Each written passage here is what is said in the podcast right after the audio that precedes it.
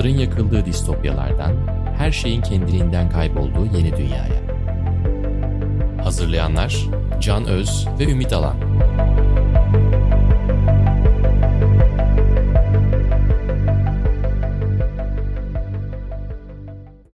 Merhaba, Yeni Medya 451'in yeni bölümüne hoş geldiniz. Bugün felaketler ve yeni medyayı konuşacağız Ümit'le beraber. Aslında büyük e, depremlerimizi konuşacağız. Bunu konuşmadan önce şunu söyleyelim. Bu program e, bugün bu depremin aslında neden kaynaklandığı, bunun asrın felaketi miydi değil miydi vesaire gibi varsayımsal saçma tartışmalardan sıyrılmış bir yerde konuşulacak. Yani bunun bir deprem krizi olduğundan çok aslında bir yönetim krizi olduğu, bizim de bugün yaşadığımız sorunları kamufle etme ve gölgelemeye çalışan bir yönetimle karşı karşıya olduğumuz peşin kabulüne binaen bir takım şeyleri tartışacağız. Dolayısıyla bu görüşlere katılmıyorsanız bu programı şimdiden kapatabilirsiniz. Çünkü açıkçası ben kendi adıma söyleyeyim. Gözümüzün önündeki barizin olmadığını bize anlatmaya çalışan insanlarla sağda solda tartışmaktan ben çok yoruldum.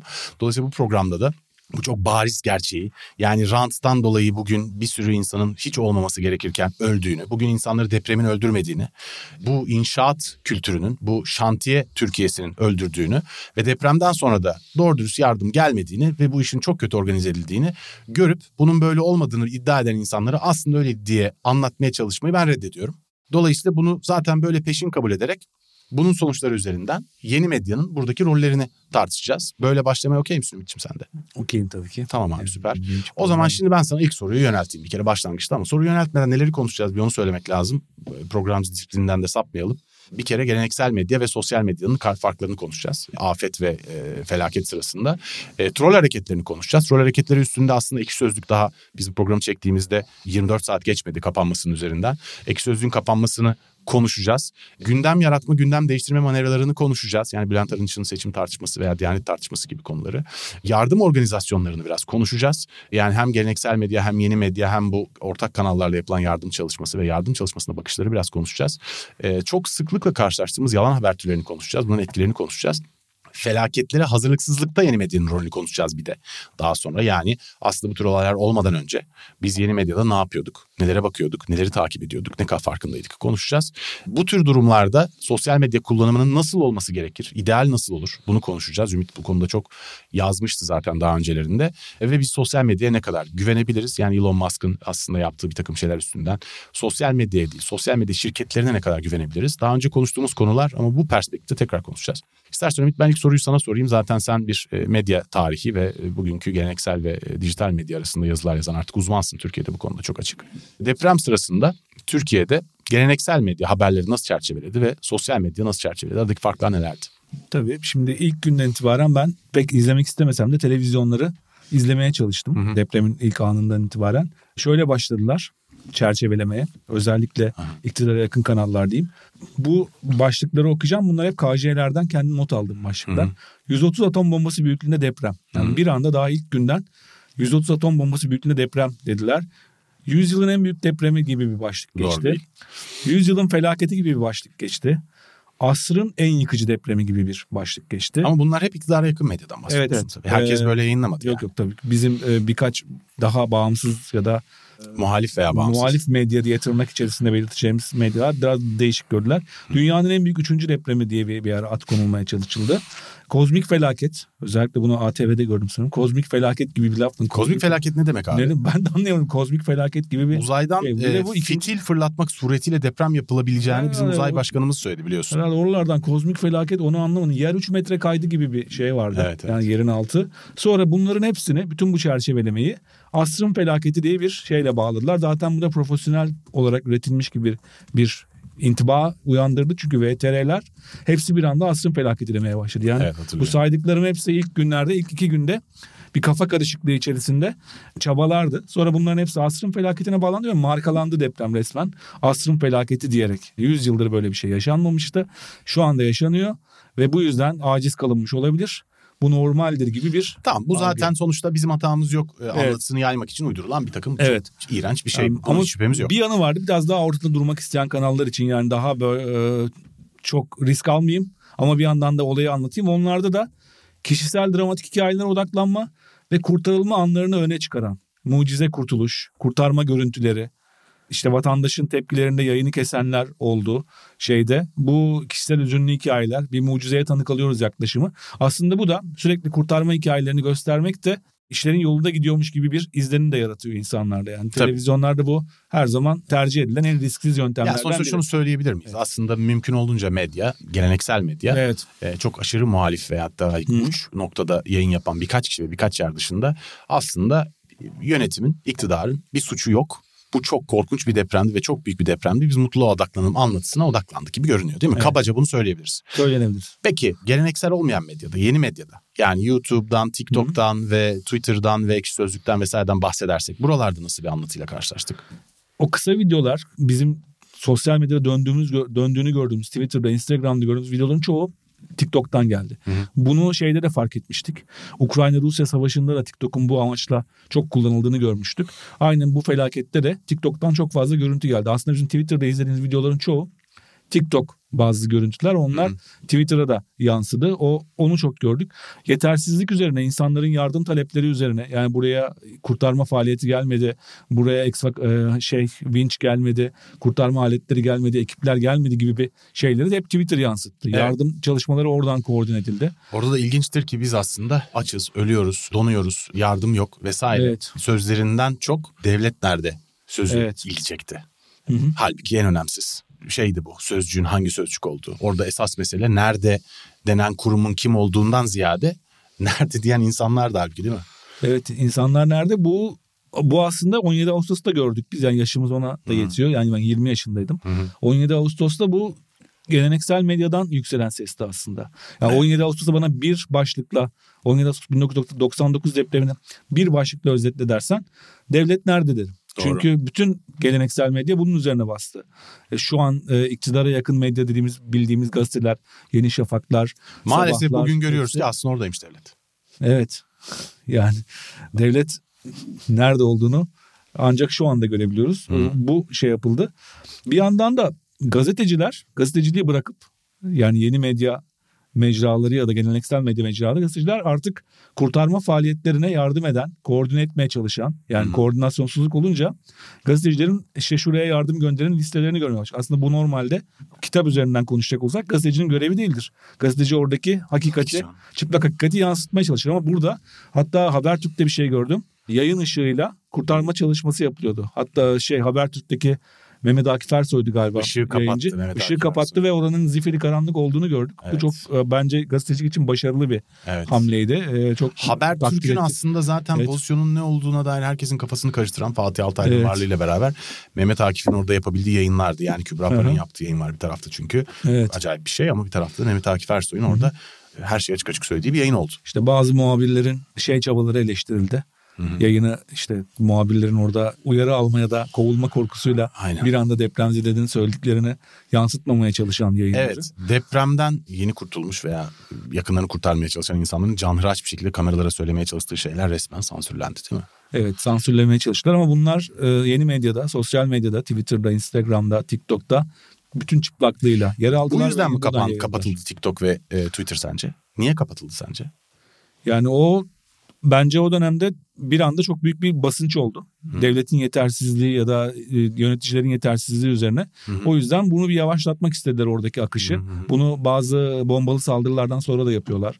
Ama bu en kritik anda o kadar kritik bir andı ki ben ben bile kaç tane yardım çağrısını retweetlediğimi hatırlamıyorum yani. Ee, ben de. Sürekli DM'den gelen şeyleri insanların enkaz altındaki yakınlarıyla ilgili adresleri öyle bir anda kapattılar ki bu bence yani insanlık suçuyla eşdeğer bir durum orada. Hiç Bütün o şeyin ortasında bu ileride çok daha fazla tartışılacak bir şey aslında. Çok daha fazla soruşturmaya evet. konu olacak evet. dönemlerden biri gibi görünüyor bu. Hı. Peki o zaman yavaş yavaş birazcık troll hareketlerine geçelim mi deprem Tabii sırasında? Ki. Deprem sırasında çok ilginç şeyler oldu. Başta ilk gün sanıyorum organize troll grupları özellikle iktidara yakın çünkü iktidara yakın olmayan troll grupları olduğuna da gruplar olduğuna da şüphe yok. Evet. Ama en azından koskoca bir cumhurbaşkanına bağlı bir binaları yok diğerlerinin diye tahmin ediyorum.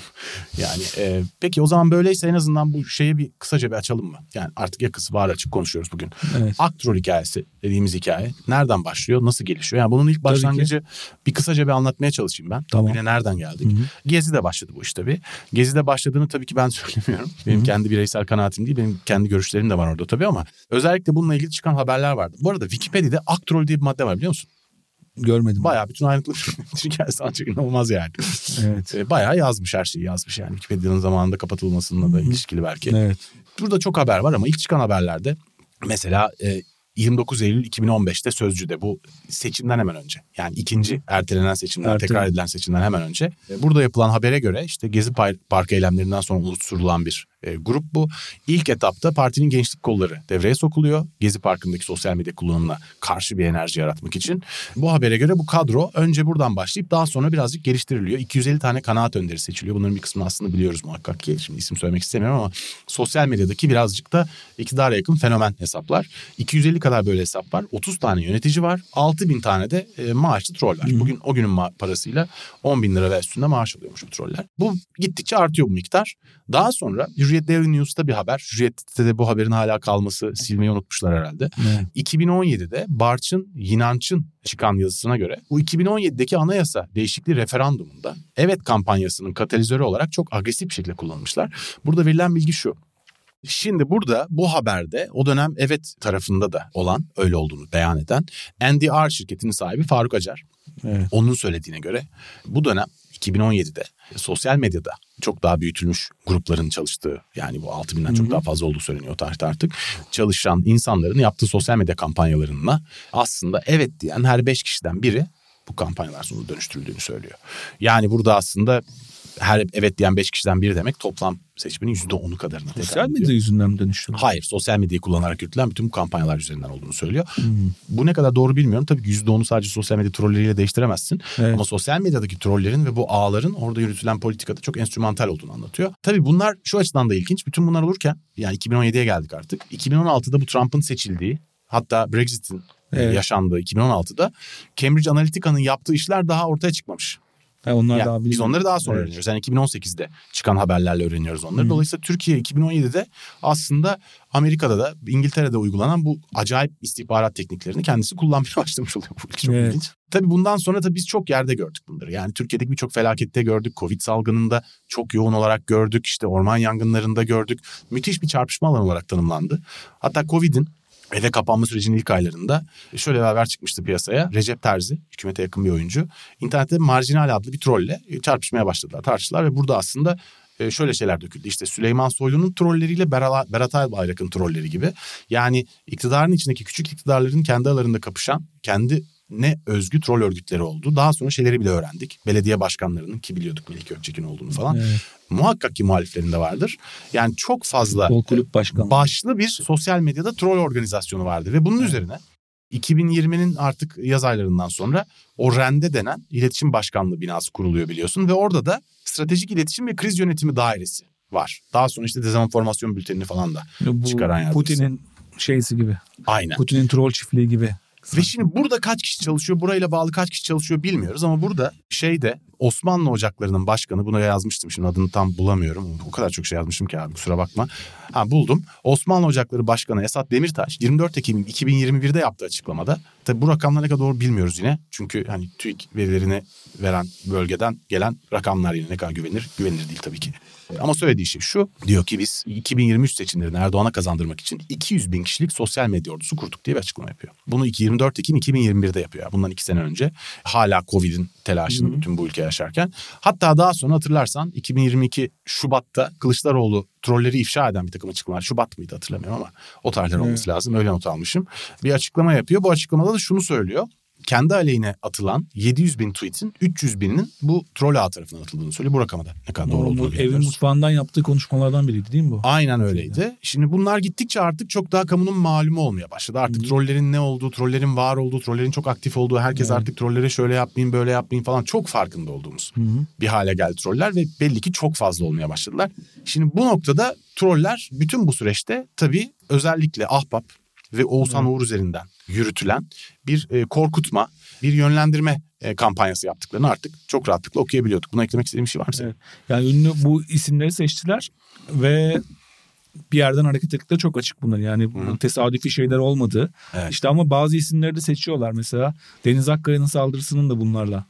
Yani Deniz Akkaya'nın ilginç. Haluk Levent'in- Ben bunun da yani bazen bazı isimler sanki o ekiplerle beraber çalışıyormuş gibi. Yani bunu kanıtlayamam. Abi, Elimde bir belge yok bu ama. Bu kadar seni durup durup birdenbire Haluk Levent'e sinirlenmek biraz tuhaf değil mi zaten? Yani hiçbir şey tepki göstermemişsin şimdiye kadar doğru dürüst. Evet. Bir e, anda Haluk Levent'e yükseliyorsun yani. Kimin sözü dinlenir diye düşünülüyor galiba. O anda yani kimle çıkabiliriz yani. Deniz Akkaya yani. kimin umurunda bilmiyorum ama yani bir anda konuştuğunda dikkat çekecek birisi gibi tabii. düşünülmüş gibi geliyor bana. Tabii, yani Deniz Akkaya'nın ben kendi bağımsız olarak hareket edip de bir anda Haluk Levent'le ilgili böyle bir iddiaya çıktığını zannetmiyorum. Yani kanıtlayamam. Yani bununla ilgili bir belgem yok. Ama bunun Ama da çok kuşku uyandırıcı. O organizasyonun içerisinde olduğuna ilişkin şüphelerim var. Umarım araştırılır bir gün ortaya çıkar. Bu şeyden haberin var mı? Bir haber çıktı bundan 5 gün önce. İsrail şirketi Jorge, Jorge, Jorge nasıl okunuyorsa. Ve bunların Ames diye bir yazılımınla ilgili haberler çıktı dünya basında birçok yerde. Guardian'da, Der Spiegel'de falan gördün mü bunları? Görmedim. Görmedim. Bu, bu, bu çok ilginç bir haberdi. Çünkü birkaç gazeteci İsrail'deki firmanın karargahına hangi ülke olduğunu hatırlamıyorum. Bir ülkedeki bir siyasi partiden geldiklerini söylüyorlar ve kampanya yapmak istediklerini söylüyorlar. Evet. Ve kayıt ediliyor bu arada. Yani gizli kamerayla çekiyorlar görüntüleri. Adamlar bir yazılım yapmışlar Ames diye. Abi yazılım ne yapıyor biliyor musun? 30 tane başkanlık seviyesindeki kampanyaya müdahil olduklarını 27 tanesinde de istedikleri sonucu aldırdıklarını iddia ediyorlar bu arada. Yazılımı gösteriyorlar. Yazılım ne biliyor musun? Yazılım birdenbire basıyorsun düğmeye. İnanılmaz bir şey yani. Ames diye bir yazılım. Anında on binlerce, 40 bin tane sahte sosyal medya profili açıyor. Ama bu sosyal medya profili onaylı abi. Telefon numaraları var, evet. şeyleri var. Gen değil yani e, generated, özel e, computer generated fotoğraf değil. Gerçek fotoğraflar. Çünkü onları artık tanıyabiliyor sosyal medya evet. şirketleri algoritmalarıyla. Gerçek fotoğraflar, gerçek hesaplar. Ve bu hesaplar hakikaten yazışmalar yapmaya başlıyorlar. Ama şey gibi Chat GPT gibi abi. Ya bak, zeka üzerine. Biz Chat GPT ile ilgili bölüm yapmıştık ve bunun etkileri ne olacak demiştik evet. ya. Abi en önemli şey atlamışız.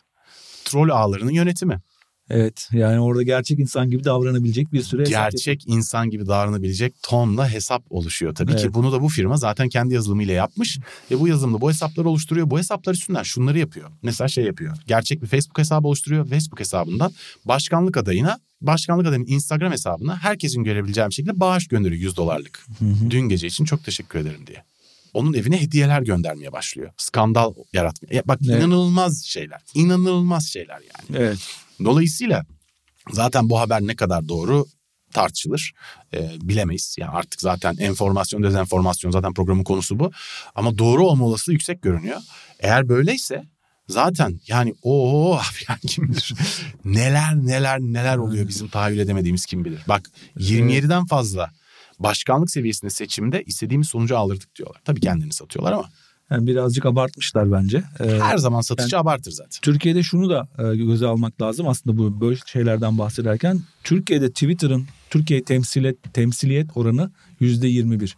Yani Türkiye'de Twitter birebir temsil edilmiyor aslında. Orada bir takım kanaat önderleri var. Onlar %21 oradan... ne demek abi? Neyin %21'i? Yani, Türkiye'nin temsil yani bir araştırma Türkiye'nin yüzde yüzünü temsil etmek zorunda ya bir örneklem seçtiğinizde hı hı. bir araştırmadan e, yaş gruplarına göre, gelir gruplarına göre, coğrafi sosyolojik bir araştırmadan bir, yani, so, yani bir profesyonel bir, bir anketten bir, bir anketten bahsederken örneklemin yüzde yüz temsil etmesi gerekir Türkiye'yi.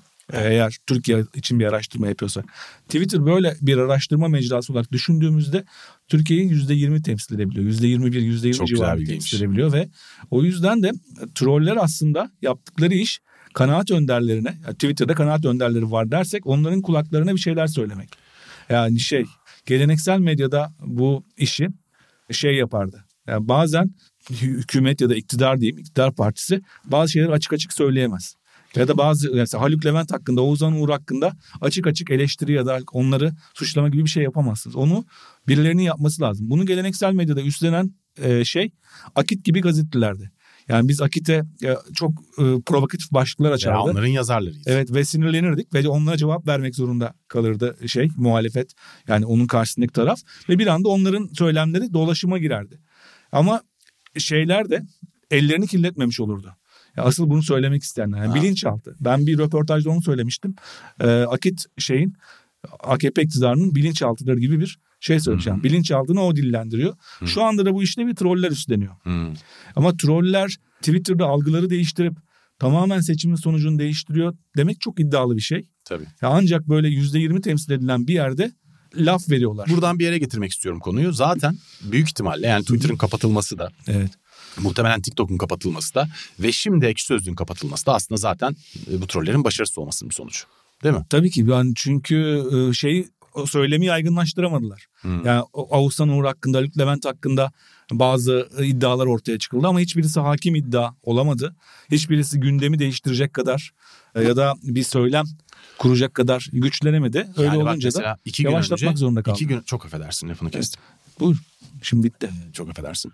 Ekşi Sözlük'te bundan iki gün önce yani kapatılmadan aslında neredeyse 24 saat önce bir başlık vardı. E, suç duyurusu üstüne. Yani Cumhurbaşkanı birçok bakanın hepsinin ilgili suç duyurusu yapıldığını anlatan çok uzun bir metin vardı. Evet. 6 binden fazla fav almıştı. Ben Ekşi Sözlük'te hiç bu kadar fav alan bir şey görmemiştim. Hiç. Hmm.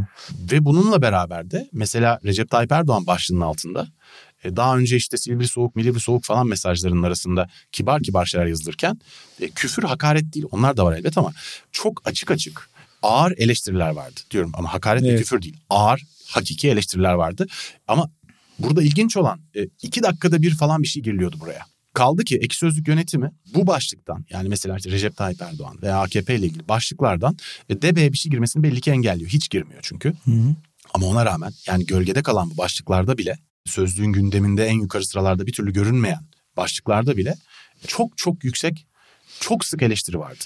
Ve şeyi görüyorsun. Yani oradaki aslında hepimiz biliyoruz iki sözlükte çalışan, faaliyet gösteren troller olduğunu. Her ne kadar bugün e, Sedat Kapanoğlu onları tespit etmenin mümkün olmadığını söylemiş olsa da birçoğunu aslında isim isim biliyoruz. Biz dönem dönem iki sözlükte yazdığımız, okuduğumuz için etkileri çok düşmüştü. Yani bir şey gibi, evet. tsunami gibi yani böyle bir sürü üzerinden geçer gibi bütün bu trolleri ki, yok ederek müthiş bir enerji doğdu. Dolayısıyla kapanmasını buna bağlıyorum ben açıkçası bilmiyorum. Ki, sen ki bence troller ekşi sözlükte Twitter'dan daha başarılı. Çok, Özellikle çok kar, e, ak troller dediğimiz organizasyon çok ekşi sözlükte ben çok başlık açılıyor. Hı hı. Ee, onların üzerinden hemen cevap almaya, reaksiyon almaya dev alıyorlar. O yüzden engellenememesine de biraz üzülüyordum aslında. Abi teknikleri de çok şey. gelişti ama. Yani evet. bu mesela ilk geziden sonra başlayan troll aktiviteleri aslında muhalif veyahut da işte muhalif değil aslında. Muhalif çok fazla trend topika oynuyorlar. Yandaş olmayan herkes muhalif değildir bu arada. Evet. Muhalif sözü çok e, yanlış kullanılıyor bence.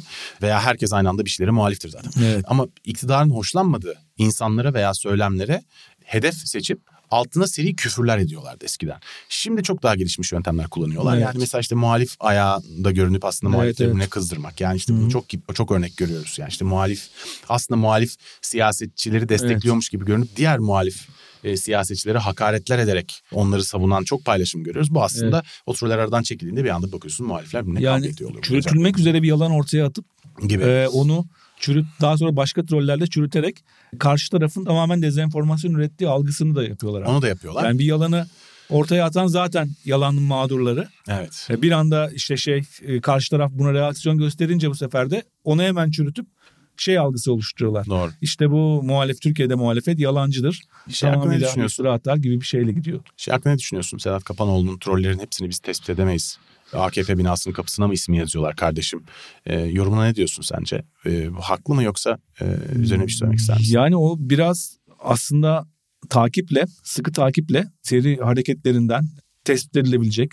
Hangi hesapları hangi e, IP numaralarından açıldığıyla o kadar da söylediği kadar imkansız değildir diye düşünüyorum. Ben de eminim ki o yani kadar imkansız onun, değildir. Onun bir sistemi muhakkak olması gerekiyor. Bunun böyle olduğu söylense de ya o biraz şeyden de aslında güç alıyor anladığım kadarıyla Sedat bunu söylerken. Özellikle iki tarafta da kendisi gibi düşünmeyene yani iktidarı destekleyen samimi bir şekilde destekleyen bir adama da troll dendiği oluyor. Doğru. Muhalefet destekleyen adama troll dendiği oluyor. Yani ama bunun bir şeyin sonucu olduğunu unutmamak lazım. Şimdi biz mesela sözlükte yıllardır işte birçok trollün için isim vermek istemiyorum. Çünkü bunlar çok memnun olurlar.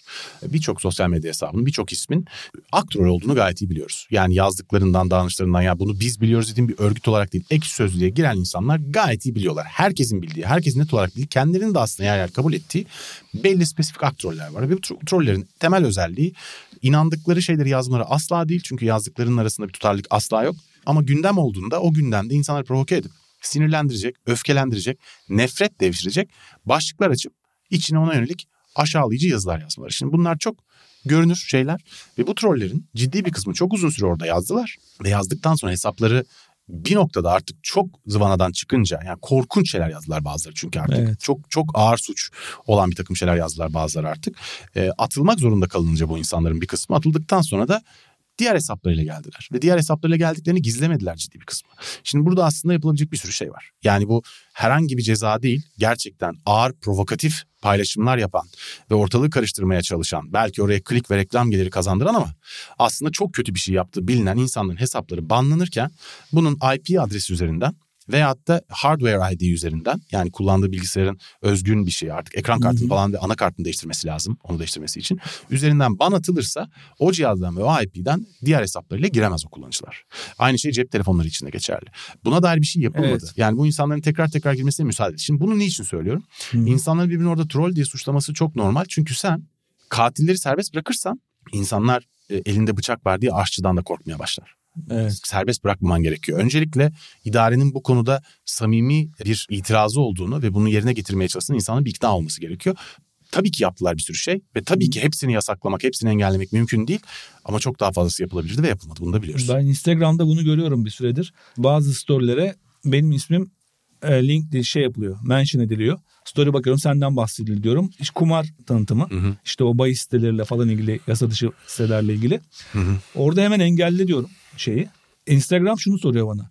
Bu kişiyi mi engellemek istersin? Evet. Yoksa bu kişinin bütün ileride açması muhtemel bütün hesapları mı engellemek ne istersin diye. Ve bunu hemen diğerini seçtiğim zaman o, o aynı kişinin ya da aynı e, odağın açabileceği diğer hesapları da engelliyor. %100. Demek ki bunun bir teknolojisi var. Aslında bunları Sedat Kapanoğlu'yla yüz yüze, SSG ile yüz yüze konuşmak da isteriz. Çok iyi olur. Onunla bir görüşme ee, yapsak evet. bir, belki bir e, programımıza katılmayı uzaktan da olsa kabul eder. Çünkü yani şeyi de anlamak lazım. Ben katılmıyorum söylediğine kesin. Hı-hı. Ama bir taraftan da yani mesela savcılıktan gelen taleplere hayır demediği için falan da eleştirildiği için evet. sert savunmada olmasını da belki anlayabiliriz. Üzerine çok basınç olduğu kesin. Evet şey çünkü olarak. bir açık kapı bıraktığında evet. oradan ne kadar insanlar giriyor ve bunu yönetmek onun için nasıl bir şey onu da bilmeden e, onun böyle söylemesine çok ağır bir şey söylemek istemiyorum. Dolayısıyla evet. yani aslında bir programa onu davet edelim. Yani çünkü Hatta burada bir ek sözlük özel çekelim. Orada ve e, kendi söyledikleri, kendi düşündüklerini burada e, insanlara anlatırsa bence çok iyi olur. Orada inanılmaz bir bence deneyim ve tecrübe var. Çünkü ekşi sözlük varken Twitter yoktu, Facebook yoktu, Aynen. Instagram yoktu, YouTube yoktu. Eşit Sözlük aslında dünyada bu konuda öncü sitelerden biri. Ve öyle bir siteyi kuran insanların bu konuda da bence çözüm üretebileceklerini ya da çözüm üretmek için çalışabileceklerini düşünüyorum. İnşallah tamam, O zaman e, sevgili evet. Sedat programı izliyorsan zaten seni davet ediyoruz ama ayrıca dolaşacağız. Evet. E, bir ek sözlük özel bölümü yapmayı çok isteriz. Hı hı. E, o zaman istersen birazcık şeye geçelim. Bu süreçte aynı zamanda yeni medyanın da çok aktif olarak e, evet. etkilendiği e, gündem yaratma, gündem değiştirme manevraları oldu. Evet. Bir taraftan bunların arasında mesela Arınç'ın bir anda durup dururken seçimlerden bahsediyor. Seçimleri erteleyelim yani millet evet. enkaz altında hala çığlık çığlığayken seçimlerin ertelenmesi gerektiğini gündeme getirdi. Bir diğer taraftan da Diyanet işleri e, çok acayip bir açıklama yaptı. İşte e, fetva fetva gibi.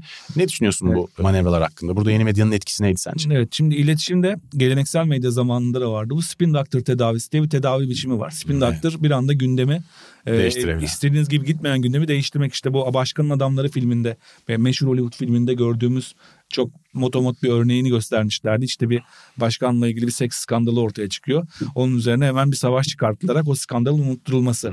Yani sadece iletişimsel değil bir olgu da ortaya koyarak, bir olay da ortaya koyarak gündem değiştiriyor. Spin doctor tedavisinin çeşitli yöntemlerini gör. Türkiye'de bunlar genellikle kutuplaşma noktalarından yapılıyor. Şimdi Bülent Arınç'ınki, Arınç'ınki seçimle ilgili ama diğerleri dikkat edersen e, birçok kişi de dikkat etmiştir. Dinle ilgili meselelerde. Yani işte sela okunması şey vardı. İşte o dinle ilgili bir fetva vardı. Ondan sonra bir çadır kentte bir Kur'an kursu açılmasıyla ilgili paylaşımlar vardı. E, bir fabrikanın mescidinde aslında imam olmayan birinin vaazı üzerinden Haluk Levent ve Oğuzhan Uğur'dan bahseden birinin vaazı üzerinden e, şeyler vardı. Gündem yaratma çabaları vardı. Evet. Bunların hepsi aslında Türkiye'deki Evet ayet değil ki dedi anayasa için. Ayet-i kerime mi var bu konuda Ayet-i kerime mi var? Bir anda minat e, şey kutuplaşmanın yine din üzerinden kurulmasını istedikleri için abi oradan itiraz etsinler insanlar da bunlar olarak. İslam düşmanı denebilsin falan evet. diye yapılıyor diye tahmin ediyorum ben. Evet bu bu, bu mantıkla yapıyorlar. Ne kadar evet. başarılı olur onu bilmiyorum.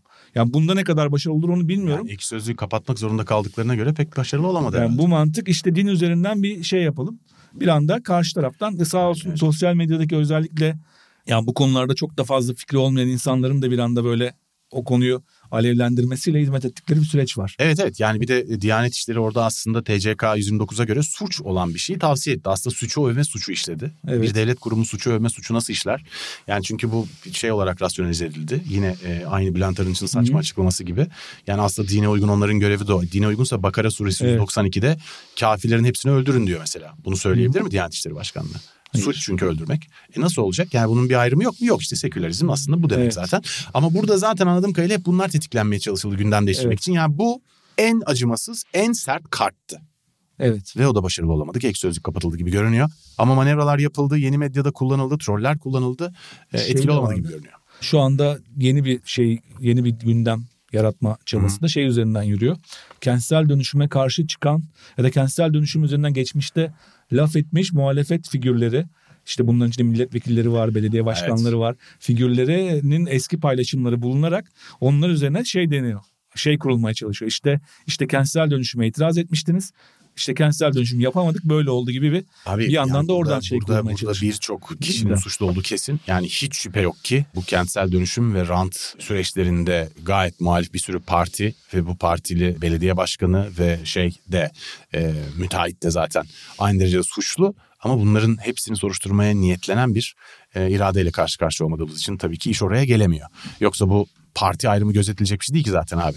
Yani altında evet. insanlar kalmış işini yapmamışsan zaten hemen tutuklanman ve sonuçta yargılanman ve hapse atılman lazım. Yani ve bedel talep edilmesi lazım. Yani bunu, istifa etmen lazım. Tabii yani bu evet. yapmayan bir parti bunu sadece. Yoksa bunun hmm. muhatapları bir parti değil. Tek başına bir parti değil daha doğrusu. Peki o zaman şeye bir gelelim yardım organizasyonları. İşte orada benim sana soracaklarım var. Bu sefer ben sorayım soruyu. Tamam. Bu şeyde. Şimdi TRT'de bir şey izledik. Bir canlı yayın evet, şovu evet. izledik. Running Man diye bir film vardı hatırlıyor musun? Böyle adamı koşturuyorlardı veya işte boş ver neyse sen Koş, devam et. Koşan adam Forrest Gump'ı hatırlıyorum. Koşan adam o da, o da, o da esas koşan yani, adam zaten. İşte bir yardım organizasyonu bu Hayat aslında bir kutusu gibidir falan. Bu bir Amerikan sistemi. Ee, Amerika'da işte Gerald Lewis'lerin zamanında falan televizyonun en hakim olduğu yıllarda telefonla yapılan yardım kampanyaları e, bir genellikle bir Amerikan şeyi üzerinden. Ama bu tarz şovlar mesela Beşiktaş bize bir ara yapmıştı bu feda dönemindeydi sanırım. İşte kulübün maddi durumu iyi olmadığı için yardım için telefonla bir bağış kampanyası yapılmıştı. Bu böyle şeylerde yani ben ben ben desteklediğim takımı çok seviyorum dediğin zaman yardım ettiğin zaman yani bir anlamı oluyor. Ama acı daha sürerken, insanlar enkaz altındayken, insanlar daha çıkarılamamışken bir anda orada koyun pazarlığı yapar gibi 50 milyon daha var e, falan. Bir de korkunç eşitsizliği de ortaya çıkartan bir şov izledik. Bence Benim orada problem onların hiçbirisi değil. Başka konuşuruz. Yani ben bunu burada benim işte Guy Debord'un e, gösteri toplumunda kurtuluş Guy Debord. Vay. Guy Debord diyor okuyorsun. Guy Debord demiyorum. Guy Debord. Allah güzel Fransızcanız evet. gelişmiş efendim. Guido Maupassant gibi değil mi? Şey telaffuz sitelerine baktım için. Süper bir, bir şaşırdım yani Guy Debord diyecektim ama Guy işte diye. gerçek araştırmacı evet. Vallahi tebrik ederim. İşte onun işte şey lafı meşhur gösteri toplumu kitabından zaten gösteri toplumunda kurtuluş vaatleri de gösterinin bir parçasıdır. Aha. Ben tam onun bir örneğini gördüm o akşam. Çok canım sıkıldı. Özellikle o pazarlık sahnelerinde Acun Ilıcalı'nın. Yani bir kimileri diyebilir ki daha fazla para aldı. Ama yani benim belki 100 yıl çalışamayacağım bir para bir anda oradaki pazarlığın 100 yıl çalışıp da kazanamayacağım bir para oradaki pazarlığın detayı gibi. Abi yani bilmem ne var. Hiçbirisi ee, problem değil bence. Çok can sıkıcıydı ama ben şey olarak. Can sıkıcı olan evet. değil ama bence. Ne? Can sıkıcı olan başka bir şey var. Abi bizde şimdi bu özellikle Covid'de yükseldi. Yani bu iktidar zamanında yardımlar toplayarak ve o yardımları dağıtarak geldi ve kendi evet. iktidarını sosyal yardımlar üzerine kurduğu için iki şey istemediğini çok açık olarak görüyoruz artık. Bir, kimse örgütlenmesin. İşte bu ahbap olabilir, Oğuzhan Uğur olabilir, sosyal medya olabilir. Örgütlenmesin, evet. yalnız kalsın herkes. İki, kimse kimseye yardım etmesin. Dolayısıyla hatırlarsan Covid'de belediyeler bağış toplarken o bağışları devlete göndereceksiniz. Abicim devlete bağış yapmak kadar geri zekalıca bir şey olamaz. Abicim darphanenin, darphaneye para mı bağışlanır? Hatta yani yasal olarak bizim cebimizdeki bütün TL'lerin resmi sahibi devlet zaten. Devlete para bağışlanmaz abi onun adı vergi zaten. Yani e, ya devletin para bağışlaması, Merkez Bankası'nın, kamu e, bankalarının. Onlar işte o iş ama bak bir şey söyleyeceğim. Oradaki saçmalık. AFA'da para bağışlanıyor. Evet. Saçmalığının üzerine zaten normal o. Çünkü aslında evet. benim AFA'da para bağışlamamla Merkez Bankası'nın para bağışlaması aynı saçmalık. Niye devlete para bağışlanıyor abi? Şu, şunu soracağım çünkü. Ee, yani AFA'da biz para bağışlamazsak battaniye alacak parası mı yok? Peki varsa niye bağışlıyoruz zaten? Devlete para bağışlanır. Para, ya devlete şey bağışlanır. Kızılay'a mesela. Kan bağışlanır. Para sivil topluma bağışlanır. İşte camiye bağışlanır. Kurban işte, derisi veriliyordu zamanında. Falan onlar bağışlanır abi. Para bağışlanmaz devlete. Bu, bu delilik piyasadaki olası organizasyonu ve insanların birbirine iyilik yapıp aslında kimsenin devletin kendisine veya devlet yanlış hükümete o kadar muhtaç olmadığını kimse gösteremesin diye ortaya çıkarılan bir delilik, bir tiyatro, bir safsata devlete bağış falan yapılmaz. Şimdi o televizyonda yapılan programdaki saçmalık oydu zaten. E, sivil toplumun bağış toplayabilmesinin önüne geçmek için yapılan bir şeydi bu. Aynı Covid'de IBAN verilmesi gibi. O IBAN'dan gelen paraların ne anlamı var devlet için? Ona ihtiyacım var devletin. Ne oldu Hacı var? Abi ne olacak Allah aşkına zaten o nedir ki? Biz o bağış kampanyasında 1 milyar dolar civarında şimdi rakama atıyorum yanlış söylüyor olabilirim izleyiciler bağışlasın eğer öyleyse 1 milyar dolar civarında para bağışlandı. E bütün bu süreçte dövizi baskılamak için 7 milyar dolar harcanmış. Ya şimdi bu bu saçmalık bu tiyatro yu e, makul kabul edip onun üzerinde işte 50 milyon 50 milyon dendi denme diye varmıyorum bile ben. Zaten olay külliyen başından varoluşsal olarak saçma. Bağış devlet evet. toplanması. Halbuki gerçekten yardım çabasında olan sivil toplum kuruluşlarına, işte Darüşşafaka'ya değil mi? TGV, ihtiyaç haritasına, bütün bu kuruluşlar bunlar daha tonla kuruluş var. Ah baba. Ah baba ve daha bir sürü kuruluş var abi çok var. Bu kuruluşlara ya yandaş da olabilir bu kuruluşlar, muhalif de olabilir hiç önemli değil. Yardım etmek isteyen kuruluşların bağış toplaması süreçlerine destek için bir organizasyon yapılsaydı o zaman pazarlıklar batmazdı. Merkez Bankası'nın para bağışlaması bile batmazdı biliyor musun? Para basmaya karar verdi hükümet demektir bu bağış yapmak için. Bana, ne güzel yani. Bana batardı ya. Gerçi batılabilir. Doğru. Merkez ben tabii fazla e, ileri gittim gerçi. Merkez Bankası'nın bağış yapması muhakkak ki başka bir tartışma konusu ama çok haklısın. Ama eninde sonunda buradaki temel sorun zaten devlete bağış yapılıyor olması. Delilik yani. Delilik. Müthiş bir delilik ve bu normalmiş gibi tartışılıp duruluyor Türkiye'de. Çok para toplandı diye e, işte. Biz de fena para toplamadık bu arada. İşte sizin onu da soracağım işte benim asıl soracağım da aslında oydu. Ee, bu Sokrates'in sürecinde bu bir tarafı geleneksel medyada hiç bağış yapmış şeydi. mesela yani saçmalık çünkü. Sizin Devlet bize bağış yapsın ha biz niye devlete bağış yapıyoruz veya hükümete? o onar bin lira verecekler mi? İlk açıklamada söylendiği Aynen. gibi. Sokrates'in kampanyasında süreç nasıl gelişti? Yani buna nasıl karar verildi? Ondan sonra ya çok uzun şimdi para programı meşgul etmeyeyim. Yani tamam şey olarak özet olarak Orada bir para toplandı. Doğru, o paranın anlatıyorsun. O paranın Sokrates'in üzerinden hiç geçmediğini biliyoruz. Yani Hayır, hiç gelmediğini biliyoruz. Hiç ulaşmadı para. O para nasıl gidiyor? YouTube bundan pay alıyor mu? Sıfır. Onlar ne? Şimdi YouTube biz daha önce şey yapmıştık hatırlarsan bundan önce işte Dünya Kupası'nda boş günlerde işte Patiliköy'e işte Çağdaş evet, bağış toplamıştık ama bağışları YouTube donationlardan toplamıştık. YouTube donationlardan toplanan paranın da %30'u YouTube'a gidiyor. Bu tabii yapacak bir şey yok. Evet. Ee, onun üzerine biz biraz tamamlıyoruz. O para iki ay sonra üç ay sonra geliyor. Dolayısıyla aslında o bağışlar tam olarak hedefine ulaşamıyor. Hatta Hı. o para bize geliyor. Bize geldikten sonra biz o parayı kimseye vermesek çatır evet. çatır harcayabiliriz o parayı. Yani o sağlıksız bir sistem. Tabii ki verdik. Hatta hepsi gelmedi daha. Gelenleri geldiği gibi hemen gönderiyoruz.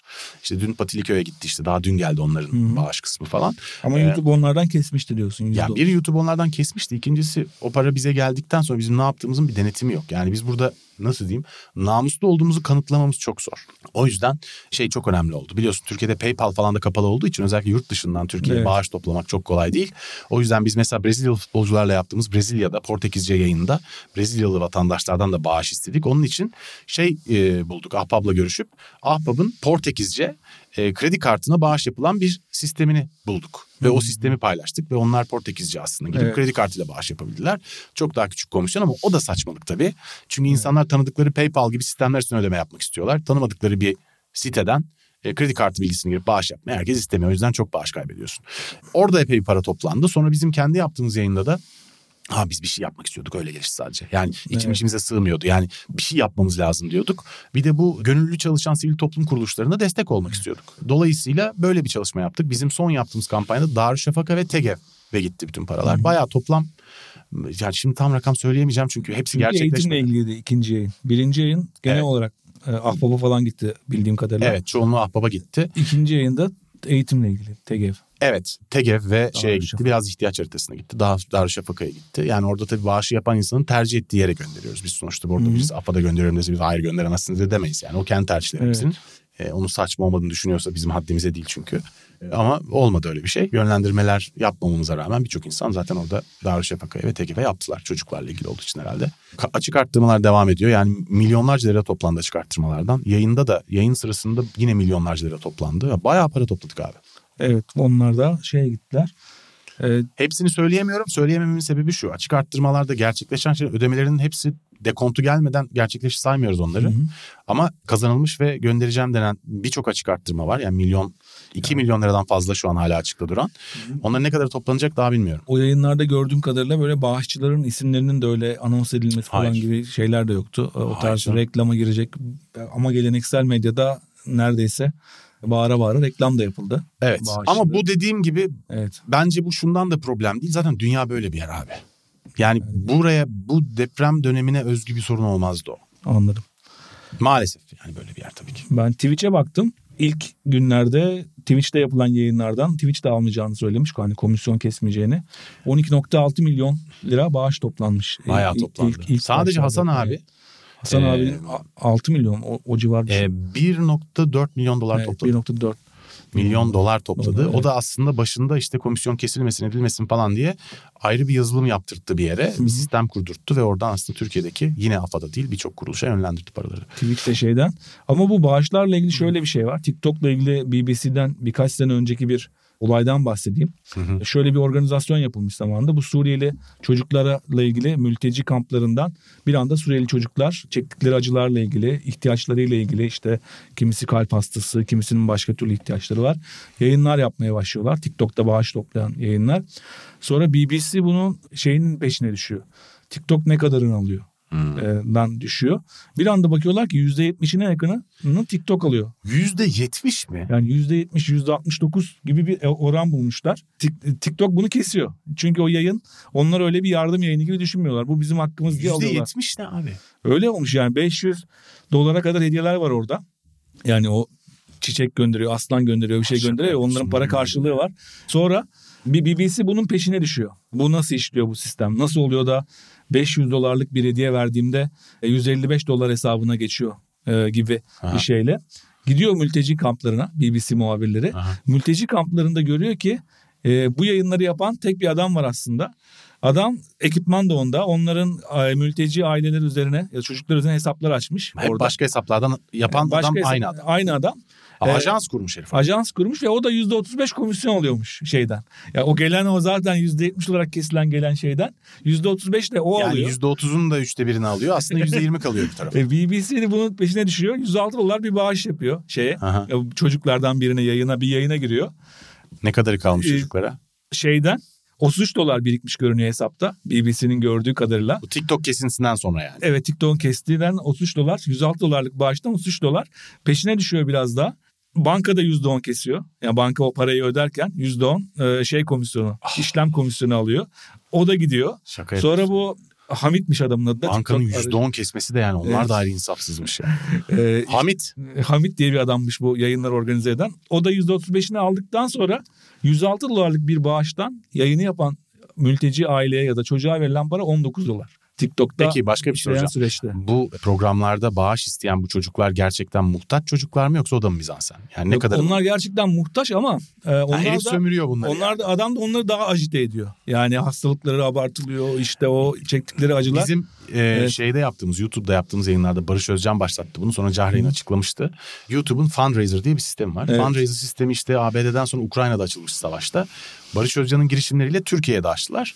Sıfır komisyonla doğrudan paraları orada bir e, kurumda bir, biriktirip bir araya getirip oradan sonra orada açıkladıkları Türkiye'de afet platformu diye bir platform. Hmm. Yani birçok şey olmayan, AFAD olmayan aralarında e, sivil toplum kuruluşuna ve çok düzgün sivil toplum kuruluşları hemen hemen hepsi onlara eşit dağıtan bir platforma kesinti yapmadan gidiyor ama o platformdan o platforma giderken Türkiye'de bankası bilmem nesi falan arada bir takım kesintiler muhtemelen yine oluyordur. Yani onları takip edip bir, bir, bir sürü farklı yere dağıtıldığı için Tabii ki bilemiyoruz Hı-hı. ama bu artık YouTube'un sorumluluğunda oluyor noktadan sonra. Yani evet. burada şey bizim için çok önemliydi. O paranın bizden geçmemesi ve bütün ulaşabildiğimiz yöntemler arasından komisyon kesmeyen veya en az kesen sistemler üzerinden gönderilmesi çok önemliydi. Bunu, bunu sağladık. Yani çok... Evet bu çok şeyle.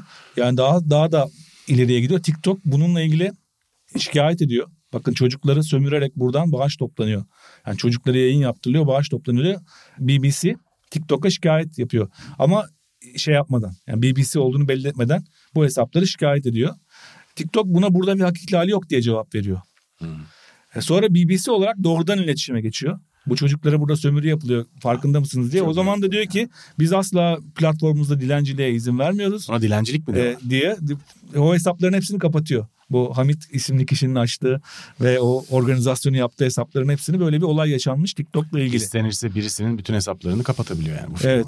E şu anda da gönderme olsun yani. Bu depremden sonra da TikTok ve Twitter'da bir sürü deprem yardım dolandırıcılığı çıkmış. Yapay zeka yaptırılan görüntülerle e, işte sahte PayPal Çok hesaplarına iyi. yapılan şeyler. Ona girelim mi istersen? Bu başlık altına girelim zaten. Tabii. Bu arada bütün bu süreçte en çok karşılaştığımız yalan haberler.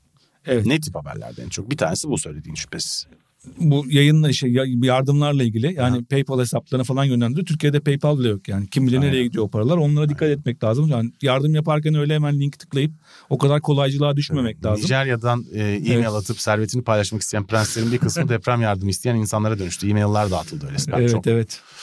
Şeyde yani en çok karşılaşılan yalan yani ben teyide baktım diğer doğrulamasına baktım. Haluk Levent ve Oğuzhan Uğur'u itibarsızlaştırmaya yönelik yalanlar. Öyle mi? Çok fazla onlar hakkında. Hiç doğru var mıydı aralarında peki itibarsızlaştıran yoksa hepsi yalan mıydı? Yok hepsi şey yani. Hepsi sallamasyon. Şey iddialar. Sonra ama bir diğer taraftan da var hükümet üyeleri ya da yandaş gazetecilerin bazı konuşmalarını cımbızlayarak çarpıdan yalanlar. Şu anda hepimiz çok ön yargılıyız ya. Oradan bir şey gelebileceğine dair. E tabi o ön yargıyı kullanan Sabıka yani çok kötü bir şey. İşte Süleyman Soylu'nun konuşmalarından şeylerden inanılmaz ilgili yalanlar var. Bunu niye yapıyorlar? Bunu belki bunu Çünkü zaten tablo yeterince kötü böyle bir şey niye Bilmiyorum. niye Buna niye ihtiyaç var? duyuluyor? Yani bu bilerek mi yapılıyor? İşte yalan olduğu ortaya çıktıktan sonra işte belki de enformasyon dezenformasyon bültenine konu olsun diye bile yapılıyor olabilir ha. Yani bunlar da var. Hemen atlanıyor çünkü Süleyman yani Çünkü yani işini iyi yapan gibi. birisinin ilgili işini kötü yapıyormuş gibi.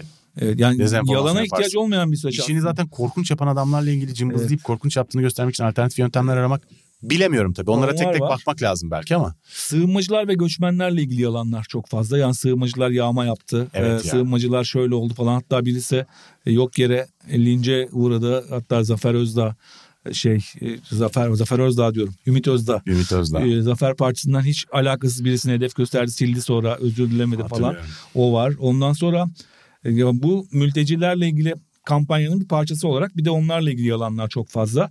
Bir de çok sahte görüntü var dünyanın çeşitli yerlerinde eski tarihli felaketlerden işte dramatik çocuk görüntüleri, videoları hiç gerçek olmayan Oğuzhan şeyler. Orhun başına bela olan baraj çatladı haberi var. 7 e, o Şubat, da işte başka 7 Şubat'ta paylaşmıştı ama sonra evet. 10 ve 11 Şubat'ta aslında çıkan haberlerle evet. gündeme gelmişti. O 7 Şubat'ta paylaşıp çok kısa süre sonra sildikleri aslında anladığım evet. kadarıyla ben de fark etmedim. Bir etkisi olmayan haberden dolayı aslında herifin üstüne gitmek için bunu bahane ettiler galiba değil mi? Evet depremin tetiklendiği yalanı Özellikle deprem bölgesinde Belki çalışanlardan Belki de abi orada bunu da bilmiyoruz. Yani. Ee, yalan mı doğru mu bilmiyoruz ama ama buna dair herhangi bir kanıt yok. inancına yönelik şey çok y- ya yayılıyor. Bak, depremin tetiklenmesiyle ilgili çıkan ne varsa okudum çünkü çok komikler. Evet. tamam mı? Ya bulduğum zaman böyle şey gibi atıyorum Seinfeld'in yeni bölümü çıkmış gibi heyecanla açıyorum. Evet. Abi hepsinin şöyle bir ortak tarafı var. Depremin suni olarak tetiklenebileceğine dair bir takım iddialar var işlerinde. Evet. Ama Türkiye'de şu yaşanan depremin suni olarak tetiklenmiş olabileceğine dair herhangi bir kanıt hiçbirinde yok. Abi suni, suni olarak tetiklenebileceğine dair iddiaları ne yapalım biz? Yani Uzay Ajansı Başkanı'nın konuşması da eski tarihli bir konuşma. Abi bir de yani bunlar Savaşçı hep uydular. bu iş yapılabilir diyen insanlar var. Belki yapılabilir bilmiyorum ki yani yapılamazı nasıl söyleyeyim ben. Tabii ki bilmediğim konuların hepsinden ilgili agnostiyim. Ama bizde yaşanan depremin suni olarak gerçekleştiğine dair bir tane vaka üzerinden bir tane kanıt ortaya koyan kimse yoksa Zaten bunun olasılığından bize ne? Yani onunla ilgili yani, şeyler çok fazla. Ya ayda da deprem gerçekleştirmek teorik olarak mümkün olabilir.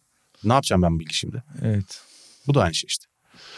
Sonraki depremlerin vakitleriyle ilgili İstanbul depremi şu tarihte bu tarihte onunla ilgili bazı yalanlar var. Aha. Yani genellikle bizim bir yankı odasında en ön yargılı kullanıcıları hedefleyen şeyler aslında bunlar.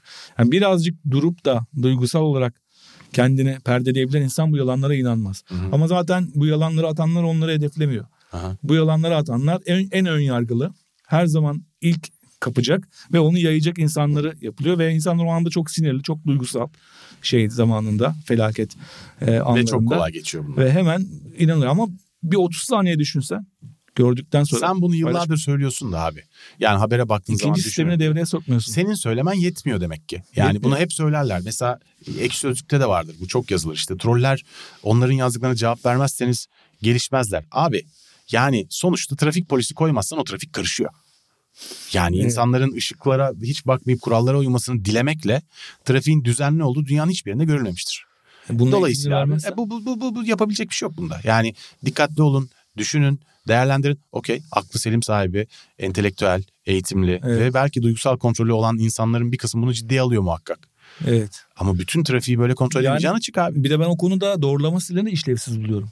Yani bir konuda doğrulama sitesine bakmayı akıl edecek insan zaten belli bir aşamayı geçmiş insandır. Çok haklısın. Yani ben teyide bakacaksam, doğruluk payına bakacaksam zaten belli bir düzeye gelmiş olmalı. O daha sonra en azından gündemi evet. e, başka yöne çevirmeye yarıyor muhakkak evet, ki. Evet. Sadece bizim bireysel dezenformasyon. Yani çok saygı duyuyorum. Ee, ben... Çok iyi organizasyonlar. Çok. Ama ne yazık ki çok eğitimli insanlara hitap ediyor onlar Peki da o zaman şey. şöyle bir yere geçireyim tamam. seni. Bu afetler, felaketler bunlardan evet. önce yeni medyada e, evet. e, bizim durumumuz neydi? Yani bu işte demokrasi krizinden dikkat dağınıklığına kadar popülizme evet. kadar burada senin aldığın küçük notlar var. Ben evet. bu konuyla ilgili sözü sana vereyim söylemek istediklerim var. Çünkü. Bununla ilgili bir yazı da yazdım ben depremin ilk haftasında. Dedim ki yani şu anda suçlanacak çok odak var. İşte e, bu konuda müteahhitler, yapı denetim firmaları, onları denetlemeyen hükümetler, devlet yöneticileri, şu anki devlet yöneticileri, eski devlet yöneticileri hepsini suçlayabiliriz. Tabii. Bu depremindeki tedbirsizlikle ilgili yıkılan binalarla ilgili. Övgün Ahmet Ercan Menderes döneminden beri herkes sorumlu diyor. Evet işte oraya kadar gidebilir olay. Ama şöyle bir örnek vereyim. Depremi çok ortada düşün. Deprem olasılığı da yok, deprem de yok ortada. Bizim o Twitter akışımızda ya da sosyal medya akışımızda şey gibi bir haber. Yapı denetim usulsüzlükleriyle ilgili bir haber görsek. Yani gazeteci uğraşmış. Bu deprem yapmış. olmadan önce. Deprem olmadan e, önce. Gördük zaten çok sık çok gördük. gördük gördük. Bunlar trend topik olabildi mi? Trend topik olduysa hasbel kadar kaç dakika durabildi? Ne kadar tartıştık? Bunlara ne kadar dikkat verebildik? Yani bu dikkat dağınıklığı çağında. Emrah Safa Gürkan'ın bizim yani, programda söylediği evet. kamuoyu sallamıyorsa siyaset suçlayamazsınız diyor. Evet. Ee, ama ben öyle düşünmüyorum. Bazı konularda yani ben çocukluğumda bazı konuların haftalarca tartışıldığını hatırlıyorum. İşte Çernobil'den sonra o çay meselesi, e, bazı konular haftalarca gündem olabilen konular vardı ve kamuoyu bir yere odaklanıyordu orada. Hı-hı. Şu anda öyle bir şansımız yok bu dikkat dağınıklığı. Hayır bir de bunun için para veriyoruz abi. Ya ÖTV dediğin şey. Ya hepimiz zaten evet. bunun düzelmesi için her gün para veriyoruz. Hatta evet. depreme de, ya depreme destek olmak için aldığımız bazı ürünlerde bile ÖTV ödüyoruz. Telefon Deprem sonrası yaralarını sarmak için bile ÖTV ödüyoruz. Evet. Depremde enkaz altındaki kişi yardım için telefonla birini aradığı zaman ÖTV ödüyor abi. Yani özel tüketim vergisi ödeyip duruyoruz her yerden o telefona. Her şey ÖTV dönüyor. Yani dolayısıyla zaten vergisini ödediğimiz bir şey bu. Ee, o yüzden aslında onun hesabını sormuyor olmamız da ilginç. Şimdi onun hesabını bile ödediğimiz paranın hesabını evet. bile sormuyorken bunun bu kadar gündem olmaması da çok sürpriz yani, bence. Bir daha abi o kadar karışık bir gündem.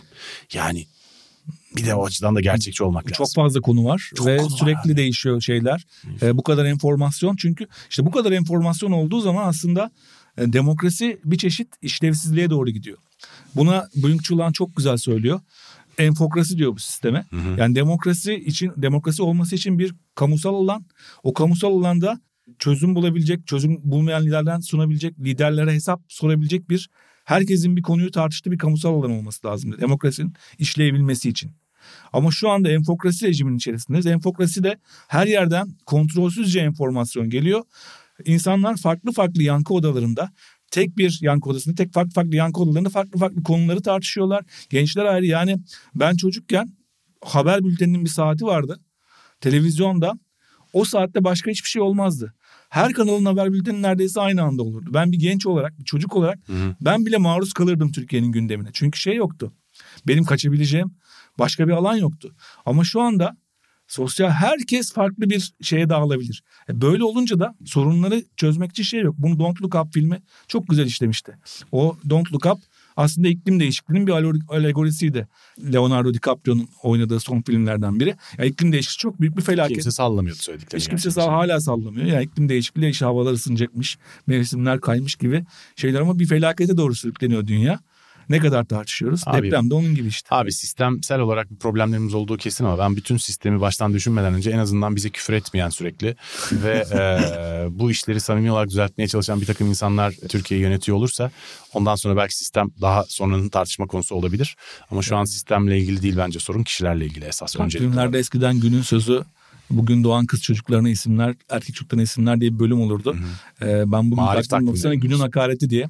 Bugün ne hakaret işittik? evet yani bu saçmalık artık çok karikatür evet. seviyelerde. Bunu sistem tartışamayacak bir yerdeyiz biz maalesef bence. Maalesef. Peki o zaman şeye bir girelim. Yavaş yavaş programı da uzun tuttuk bugün. Böyle evet. bir programı kısa tutmaya çalışmanın hiç manası yok bu arada. Rahat rahat konuşalım var, diye de evet. uzun tutacağız. Hiç sorun yok ama son maddelere geliyoruz artık. Evet. Ee, artık senin birazcık e, internet dünyasının haydar dümeni olduğunu mu diyelim. e, afet günlerinde sosyal medya kullanımı nasıl olmalı üzerinden e, sevgili izleyicilerimize tavsiyeler ve önerilerde bulunduğum bölüme geldik. Yani ben bunu daha çok yangın felaketi üzerine düşünmüştüm. Sonra depreme de aslında çok benzediğini gördüm. Ama felaket günlerinde bir sosyal medya kullanım için bir bizim bir kılavuzumuz olmalı her zaman şeyde. Ve hemen neden bulunuyor?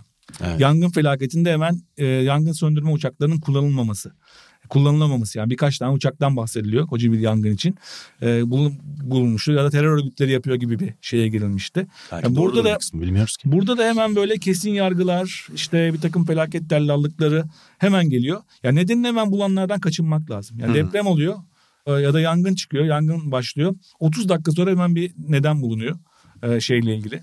Bu konunun olayıyla ilgili bir sakin olup sabırlı davranmak lazım orada. Öfkeli insana sakin ol demek de kolay değil ya. Çok zor. O anda hmm. öfke ve üzüntü karışınca. Öfke adres buluyor. Evet. Sonuçta. Bir anda o şey boşalıyor. Hemen bir yargı, hemen bir şeyde. Hı hı. E, hızla sembolleşen olgular oluyor böyle konularda hemen. Hı. Hemen bir şey sembolleşi veriyor. Yani deprem için bu müteahhitler mesela. Birkaç tane müteahhitin ismi ortaya atılıyor. 17 Ağustos'ta bunu Veli Göçer'de çok güzel Hı-hı. görmüştük. Yani sanki bütün Marmara bölgesine Veli Göçer inşa etmiş gibi bir algı oluşturmuştu. Yani, yani okey basit tanımlara sembol, girmeyin. Hızlı sembol. Yani aşırı duyarlılık tuz, tuzağına düşmemek lazım. Bu yangın felaketinde neydi? Hemen ağaç dikelim şeysi ama hemen ağaç dikmek doğru değildi. Şimdi de hemen Hı-hı. hemen yardımlar gönderilmeye başlandı ama ilk gün giden yardımların çoğu boşa gitti. Ha, bizim toplum olarak biraz Güney Amerika toplumları gibi dünyanın birçok yeri de aslında yavaş yavaş buna dönüşüyor ama mantıkla değil de duyguyla evet. hareket eden bir toplum evet. olduğumuzu. Yani bu depremle anda, ilgili verilen tepkilerin hepsi çok duyguyla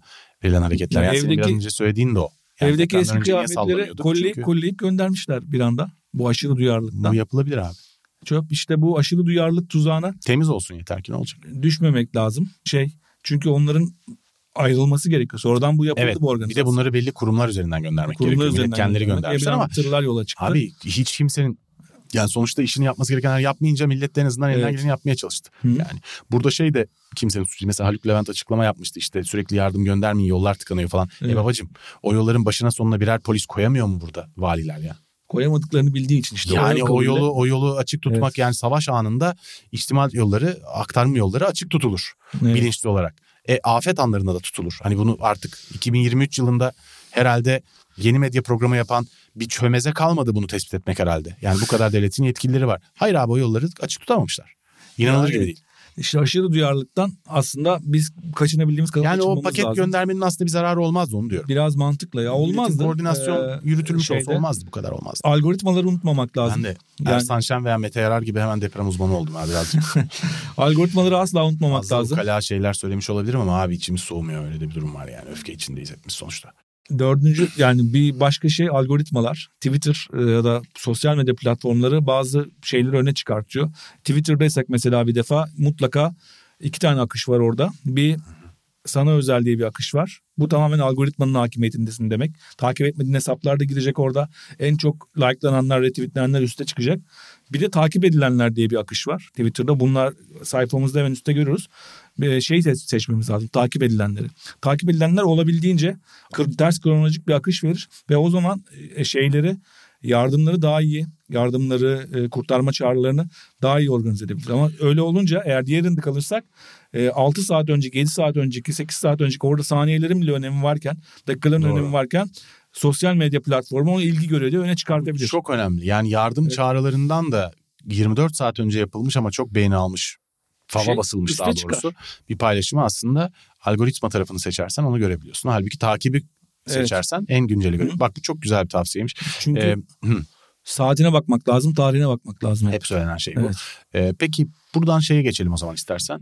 Ee, sosyal medyanın kendisine değil de sosyal medya şirketlerine böyle bir afet döneminde ne kadar güvenebiliriz veya güvenmemeli miyiz? Bu konuda söylemek istediğin şeyler vardı senin. Şimdi sosyal medya şirketlerinde Bir defa hep şunu söylüyorum ben. Sosyal medya şirketlerine güvenmekten ötesi öyle böyle dönemlerde e, şey bakma alışkanlığını da kazanmamız lazım. E, haber platformlarının kendi sitelerine. Hmm. Haber platformlarının kendi siteleri ya da kendi Twitter sosyal medya hesaplarını çünkü her zaman daha güvenilirdir sosyal medya akışına göre. Ama sosyal medya şirketlerinde şöyle bir durum var. Biz tweet e, şey tartışırken bu deprem gündeminde kendi acımızla boğuşurken Amerika'da da gündem şeydi. Super Bowl finali vardı. İşte bu Amerikan Futbol Ligi'nin final maçı. Kupayı kimin kazanacağı. O günde Amerika'da bütün odak e sen de biliyorsun her oraya dikilir. Yani bu reklamcılıkta falan reklamcılığın zirve anıdır. Evet. O, o finalin arasına reklam girmek. Oraya yaptığın reklam yıl boyunca konuşulur. Böyle bir gün, reklam. E, böyle bir günde e, Elon Musk da çok heyecanlıydı ve şunu istiyordu. Benim tweetlerim en çok görüntülenme alsın. Herkesten daha çok alsın ama daha ilk sabahtan görüldü ki Joe Biden'ın bu finalle ilgili tweet'i 29 milyon görüntülenme almışken Elon Musk'inki 9.1 milyon almıştı. Çok gerisinde kalmış. Elon Musk buna çok sinirlendiği, öfkelendiği. E, Casey Newton var. E, ünlü bir teknoloji gazetecisi. Platformer News diye bir kendi blogundan özellikle çok iyi haberler yapıyor. O tespit etmiş içeriden yaptığı görüşmelerle. E, bir ekip çalışmaya başlamış. Nasıl Elon Musk'ın tweetlerini görüntülenmesine evet, daha da patlatabiliriz, arttırabiliriz diye. Bunu istemiş çünkü. Elon Musk'ın kendi tweetlerini evet. aslında algoritmada öne çıkaracak bir takım müdahaleler evet. yaptığına dair bir şeyler okudum. Birkaç, bu, bu herhalde. Birkaç, evet, birkaç mühendisi kovmuş yapamadıkları için. Ya algoritmaya müdahale ediyorlar Elon Musk daha çok göstersin. Evet onun bir kişiyi onun tweetlerini daha fazla herkese gösterilmesi için 80 kişi işe almış bu operasyonla ilgili. Bir de zaten 44 milyar dolar harcadı yani. İstiyor ki kendisi daha fazla görsün ama bunu şöyle düşünelim. Ee, bir, de, bir de bunun tersi var. Shadow banning diye bir şey var sosyal medyada. Aynen. Shadow banning'de bir tweet'i ya da bir e, paylaşım ya da bir konuyu, bir topiği daha az kişiye göstermek, hiç göstermemek. Yani sizi silmek Tabii. yok. Yani sansürlemenin tek yolu silmek değil. Bunu merak edenler 27451'in önceki bölümlerine bakabilirler sevgili dostlar. Evet. Yani bir aşağı atabilirsiniz şeyi. Bunu yapabilecek güçteler. Herhangi bir kritik bir anda. Yani Tabii. bir seçim gecesinde Türkiye'de yasaklamak yerine, başlamak yerine ya bir banning yapılırsa yani Elon Musk'ın böyle bir şey yapmayacağını görebilir miyiz Türkiye'deki ya da Canım, başka bir güveneyim? ülkedeki niye hükümetlerle güveneyim? görüşüp? Canım, Elon Musk'ın güvenilir bir adam olmaktan çok uzak olduğunu düşünüyorum da. Yani böyle bir şey yapılmayacağını asla bilemeyiz. Tersi de olabilir. Sosyal medya böyle felaket yani, anlarında alternatiflerini hmm. güçlendirmemiz gereken bir güçle abi Twitter'ın alternatifini güçlendiremezsin. Dünyadaki bütün gazetecilerin Gazete bütün siyasi bak bütün gazetecilerin ve bütün siyasetçilerin aynı anda olduğu başka bir sosyal medya olmadığı için hep millet diyor işte Elon Musk paralı yapınca gideceğiz falan. Nah gidersiniz. Batıracak ama. Batırmaz abi. Batırmaya doğru götürüyor bence. Abi öyle, öyle görünmüyor. Ne? Rakamları öyle görünmüyor. Yani şimdi hatırımda yok. Ee, tekrar bakmam lazım ama öyle görünmüyor hiç. Yani, yani çok çok fazla insanı çıkardı işten. E, karlılık problemini ciddi bir oranda çözdü. Hayır, şey reklamcılarla sorunları var. Kolay kolay şeyi yapamıyor. Ee, şey geliyor ama. Yani hakikaten e, hem algoritma şey e, Twitter apileri yazmayı hem de Twitter'da two factor authentication yani hesabın doğrulama işini tamamen paraya bağladı. Bunun sonuçları olacaktır. Bak, alacak o adam o çok parası. o da çok riskli bir hamle aslında. Abi yani, e, tabii bu, bunu ayrıca konuşalım. işi bu bunlar yapılır ya ama çok riskli hamleler yapıyor. E, sitenin güvenliğiyle şeyiyle ilgili. Ha, korkunç bir adam zaten. Bence. Bir yerden sonra patlayacak bu iş gibi. Ee, yani keşke patlasa. Yani şu an Amerika'da ama zannetmiyorum. Başka programlarda bunu ileride daha detaylı konuşuruz. Amerika'da şu an e, kısım 230 bile gibi dava var. Hı hı. Yani sosyal medya platformlarında kullanıcıların yazdığı içerikten platform sorumlu olmuyor. Yani Biliyorum. benim yazdığım içerikten olmuyor ama ben benim bir günde yazdığım bir yazıdan bir günde sorumlu. E, gazetede yazdığım yazıdan. E, şu anda Amerika'da onu kısıtlama ile ilgili bir çalışma var. Ve bu biz o tüm dünya o kanunu Amerika'dan almıştı aslında. Öyle bir bölümü. İleride belki de e, platformlar bu kadar kolay at koşturamayacaklar. Aa, bu korkunç bir şey. Yani Reddit, Medit falan bütün bu platformların tamamı biter. Yani sosyal medyayı tamamen yok eden bir karar. İnternetin bu. temel mantığını da e, yok eden Evet yani o yüzden bunun çok kolay olacağını zannetmiyorum. Böyle bir karar verilse bile ama, geri dönmek zorunda kalırlar ama. Ama Hı. şuralardan kısıtlamak lazım. Yani eğer bir sosyal medya platformu algoritma kullanıyorsa yani içeriği kürasyonla önceliklendiriyorsa evet. bence artık yayıncıdır ve bu kanunun kısıtlanması gerekir. Yani bunu savunuyorum ama eğer şey yapmayacaksa, algoritmayla bazı şeyleri öne çıkarmayacaksa pekala kalsın. Ama çıkarıyorsa bir şey söylemek için zor tutuyorum geçmiş. kendimi çünkü bu bölüme sığmayacak uzun bir tartışma çıkabilir buradan. Ama istiyorsan bu bunu zaten bu e, iki tane mahkeme görülüyor şu an galiba değil mi bu? E, iki dava görülüyor. E, bu davaların sonuçlarına göre zaten onunla ilgili sadece bu konuyla ilgili evet. bölüm çekeriz muhakkak. Hı-hı. Şeyi de unutmayalım sevgili Sedat Kapanoğlu'na e, yaptığımız çağrıyı da unutmayalım. Onu da ulaşacağız zaten. Evet. Eğer kabul ederse uzaktan bir Zoom bağlantısıyla da olabilir. E, ek sözlük özel bölüm çekeriz. Yani bir 15-20 dakika bile olabilir ama e, evet. onun cevaplamasını yani. isteyeceğimiz, onun fikrini almak isteyeceğimiz bir sürü soru Sadece buna odaklı değil. Ekşi Sözlüğün genel kuruluşundan bu hale gelişi ve bu hale gelişinde trollerle mücadelesinde neden etkisiz kaldığı ile ilgili pek çok konu Anlatamadığı çok da şey vardır muhakkak. Dolayısıyla evet. böyle bir program yapmak da isteyemeyebilir. Anlatmak asla tercih etmeyeceği çok şey dönüyordur bir tarafta arkada. Evet. Yani muhakkak ki gelen bir takım tehditler, bir takım şeyler, bazı çaresiz kaldığı şeyler de olabilir. E, bilmiyoruz ama böyle bir röportaj yapmayı kabul ederse muazzam olur. Çünkü en azından cevaplamak isteyeceği konularda ona soracağımız çok soru var. Evet. Ümit programı toparladık diyebilir miyiz yoksa Toparlayalım. Yani tamam felaket. toparlayalım. Ee, şimdi şeyi söyleyelim. Bölümde çok siyasete girmişsiniz falan diyen varsa ona cevaben şunu söylemek istiyorum. Birine çok siyasi konuşuyorsundan daha siyasi bir söz olduğunu düşünmüyorum hayatta. İnsanların düşüncelerini açıklamaları, görüşlerini açıklamaları, rahatsız oldukları şeyleri söylemeleri siyaset değildir. Siyaset siyasetçilerin işidir. Toplumun oturup biz burada seçim propagandası ve kampanyası yapmıyoruz. Seçimde bir partiye, bir kişiye oy toplamaya falan çalışmıyoruz. Ama düşündüklerimizi söylüyoruz. Söylemeye devam edeceğiz. Çünkü başka türlü artık bu deliliğin içinde olan biteni yorumlamak mümkün değil. Yani aktrollere girmeden bu Türkiye'de Gezi Parkı'ndan beridir yaşanan internetteki bu korkunç iletişim başkanlığı, rende binasından tut bilmem neye kadar. Bütün bu kepazelikleri açık açık anlatmadan burada artık hiçbir şey konuşamayacağımız noktaya geldik yeni medyada. Özellikle bu deprem sonrasında yaşanan bu rezilliklerle yani insanlar acı içindeki insanlara gidip adiler bilmem neler haysiyetsizler falan denirken ve bunun e, şey yapılırken yeni medyada bunun yankıları rezonans yayılırken oturup biz e, burada e, bunların hepsini normal karşılıyormuş ve işte bu, bu konuda söyleyecek bir şeyimiz yokmuş gibi davranacak halimiz yok. E, bundan sonra da olmayacak zaten. Ki zaten programın bu programın ismi... sponsor oluruz ama hiç önemli değil. zaten programın ismi Fahrenheit 451 gibi bir romana evet. atıfla oluşturuldu. Fahrenheit 451 romanında okuyanlar okumayanlar. Evet. Kitap e, yakma üstüne sansür üstüne ama. Sansür Bu arada üzerine. Ray Bradbury'nin en kötü romanı bence biliyor musun? Yani, yani roman olarak evet. Ama.